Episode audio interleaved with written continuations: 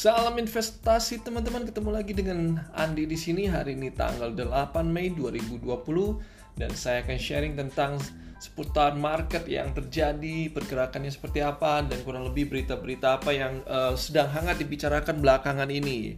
Jadi stay tune terus untuk podcastnya saya dan bagi uh, mereka yang belum follow, coba diklik follow dan ikuti diskusi-diskusi investasi saya ke depannya. Sebenarnya hari ini mayoritas bursa di Asia sih rata rata-rata hijau ya, kecuali Indonesia. Jadi hari ini Indonesia minus 0,25 persen. Sekarang ditutup di level 4.597,43 ya. Jadi kurang lebih ini kita agak berbeda nih dengan yang lain. Kalau indeks LQ45 sedikit lebih baik, uh, minus 0,18 persen. Jadi kita bisa lihat ini hari ini ternyata asing masih net sell nih teman-teman. Masih net sell sekitar 800 miliar lebih. Wow, hampir mencapai 1 triliun dalam satu hari.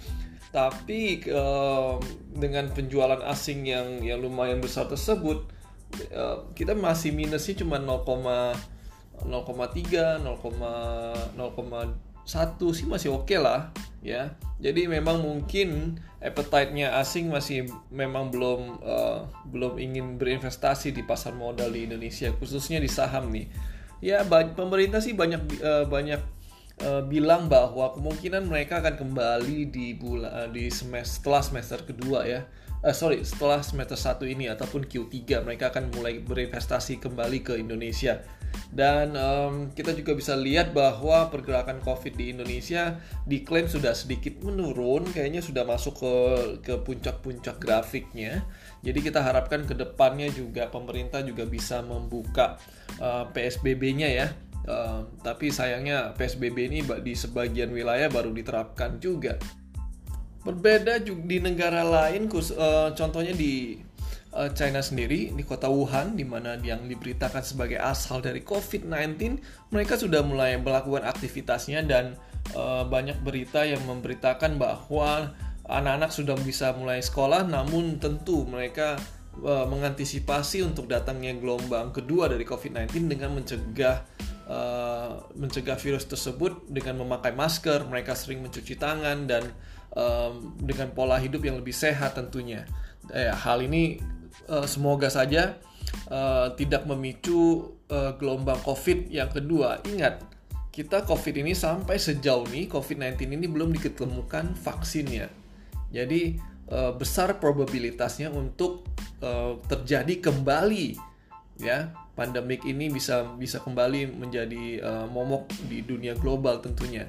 Namun ada berita bagusnya ya kemarin terkait dengan salah satu uh, perusahaan di Amerika Serikat yang namanya remdesivir ini ya untuk uh, untuk mengobati pasien COVID-19 dan semoga aja kalau memang ini bagus dan bisa diproduksi secara massal ini bisa menjadi uh, keuntungan buat perusahaan tersebut tuh dan ini juga menjadi salah satu bis, uh, solusi untuk COVID-19.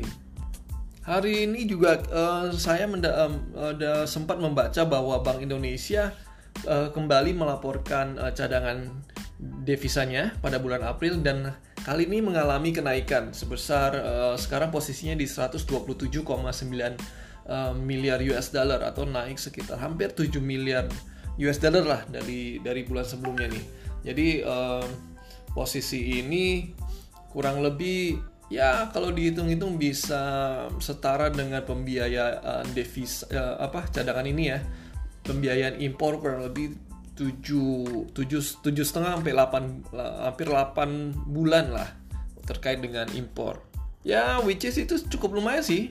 Dibandingkan kalau kita lihat standarnya nah ini standarnya kalau di internasional itu biasanya sekitar tiga bulan impor. Jadi kita hampir uh, cukup uh, hampir dua setengah kali lipatnya cukup oke okay lah jika dibandingkan dengan standar internasional Menurut saya cadangan devisa ini tentunya dapatnya buk, uh, ya pasti dari penerbitan obligasi atau surat utang. Feeling saya sih ini uh, terkait dengan surat utang yang belakang yang terakhir ini diterbitkan oleh pemerintah yaitu global bond yang diterbitkan uh, di luar negeri dan ini lumayan ini jadi ketika rupiah kita terpuruk pemerintah bisa pakai nih kenaikan 7 miliar US eh, dollar ini untuk bisa me, apa ya ya membantu rupiah biar tidak terlalu terdepresiasi lah. Jadi mungkin ini salah satu uh, ter, uh, apa strategi yang digunakan BI untuk menjaga nilai tukar rupiah kita. Kalau saya lihat juga rupiah sekarang di posisi cukup oke okay uh, masih di bawah 15.000 sedikit sekitar 14.900-an jadi um, cukup menarik lah ya dan cukup uh, stabil belakangan ini. Jadi kita bisa lihat um, kebijakan yang di ataupun policy yang diambil BI cukup, uh, belakangan ini cukup bisa menenangkan pasar nih.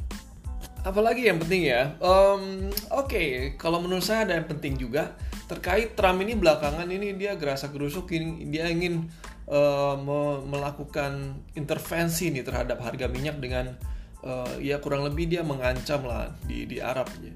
di Arab Saudi mungkin dia ingin menarik pasukannya lah dan lain-lain lah. Tujuannya apa? Biar Arab Saudi ini mengurangi uh, apa produksi minyaknya nih jadi sehingga harga minyak bisa kembali rebound dan uh, tiga hari belakangan ini sektor batu bara dan dan komoditas cukup naik ya. Kalau saya lihat harga dari segi harganya, kemudian uh, dari uh, segi demandnya mungkin setelah lockdown ini dibuka pelan-pelan ya uh, ada aktivitas dan mulai pabrik uh, kiranya ke depannya ini memprediksikan mereka sudah bila uh, sudah bisa mulai beraktivitas setelah um, mungkin setelah Lebaran ini nih. Juga belakangan juga kita uh, dengar juga Garuda uh, sudah mem, uh, mulai beroperasi. Jadi ya perusahaan ini um, cukup ya cukup terpukul lah terkait dengan COVID-19 ini ya. Jadi belakangan ini sudah mulai beroperasi walaupun sifatnya masih uh, belum full operation tapi mungkin ke depannya mereka juga akan bersiap-siap terkait dengan lockdown ini. Jadi ada juga nih menarik nih teori yang menarik teman-teman terkait dengan uh, eh, COVID-19 ini soal waktu lock, lockdown ini kapan dibuka kapan nih ada yang bilang uh, pemerintah sekarang karena grafiknya sudah mulai menurun mereka cenderung uh, ingin membuka lockdown biar ekonomi mulai jalan. Karena dampak satu bulan terakhir akibat uh, pembatasan sosial berskala besar ini banyak PHK di mana-mana sehingga banyak tingkat pengangguran yang uh, yang tiba-tiba muncul itu dari khususnya 60% pekerja di Indonesia itu adalah sektor dari informal yang uh, per hari gajinya. Jadi ini sangat uh, memberikan pukulan yang pal yang telak nih bagi uh, sektor sektor ataupun bagi pekerja tersebut. Jadi uh, pemerintah mungkin secara longgar akan mem, uh, apa ya meringankan lah atau membuka PSBB-nya ini dengan memberikan uh, izin kepada beberapa perusahaan atau industri untuk kembali beraktivitas. Oke, itu aja yang ingin saya sampaikan kali ini karena beritanya masih belum terlalu uh, banyak yang menarik ya. Menurut saya masih kurang lebih sama-sama aja. Tapi yang harus kita waspadai pada bulan ini adalah biasanya ini nih uh, apa? Nanti banyak perusahaan yang akan memberitahukan um, pertumbuhan Q1 mereka, pendapatan mereka pada kuartal pertama itu seperti apa penghasilannya tuh eh, profit earningnya seperti apa. Nah ini menjadi kunci yang utama karena setelah COVID-19 ini saya prediksikan nanti ke depannya isu ekonomi yang akan sering dibicarakan adalah terkait dengan resesi karena minus satu feeling saya uh, eh, GDP kita minus dan Q2 ini karena udah mulai puncaknya mungkin Q2 juga masih minus jadi dua kuartal berturut-turut kalau minus itu secara langsung kita bisa katakan sebagai resesi oke okay, um, terima kasih teman-teman itu yang saya ingin sampaikan. Saya Andi undur diri. Bye.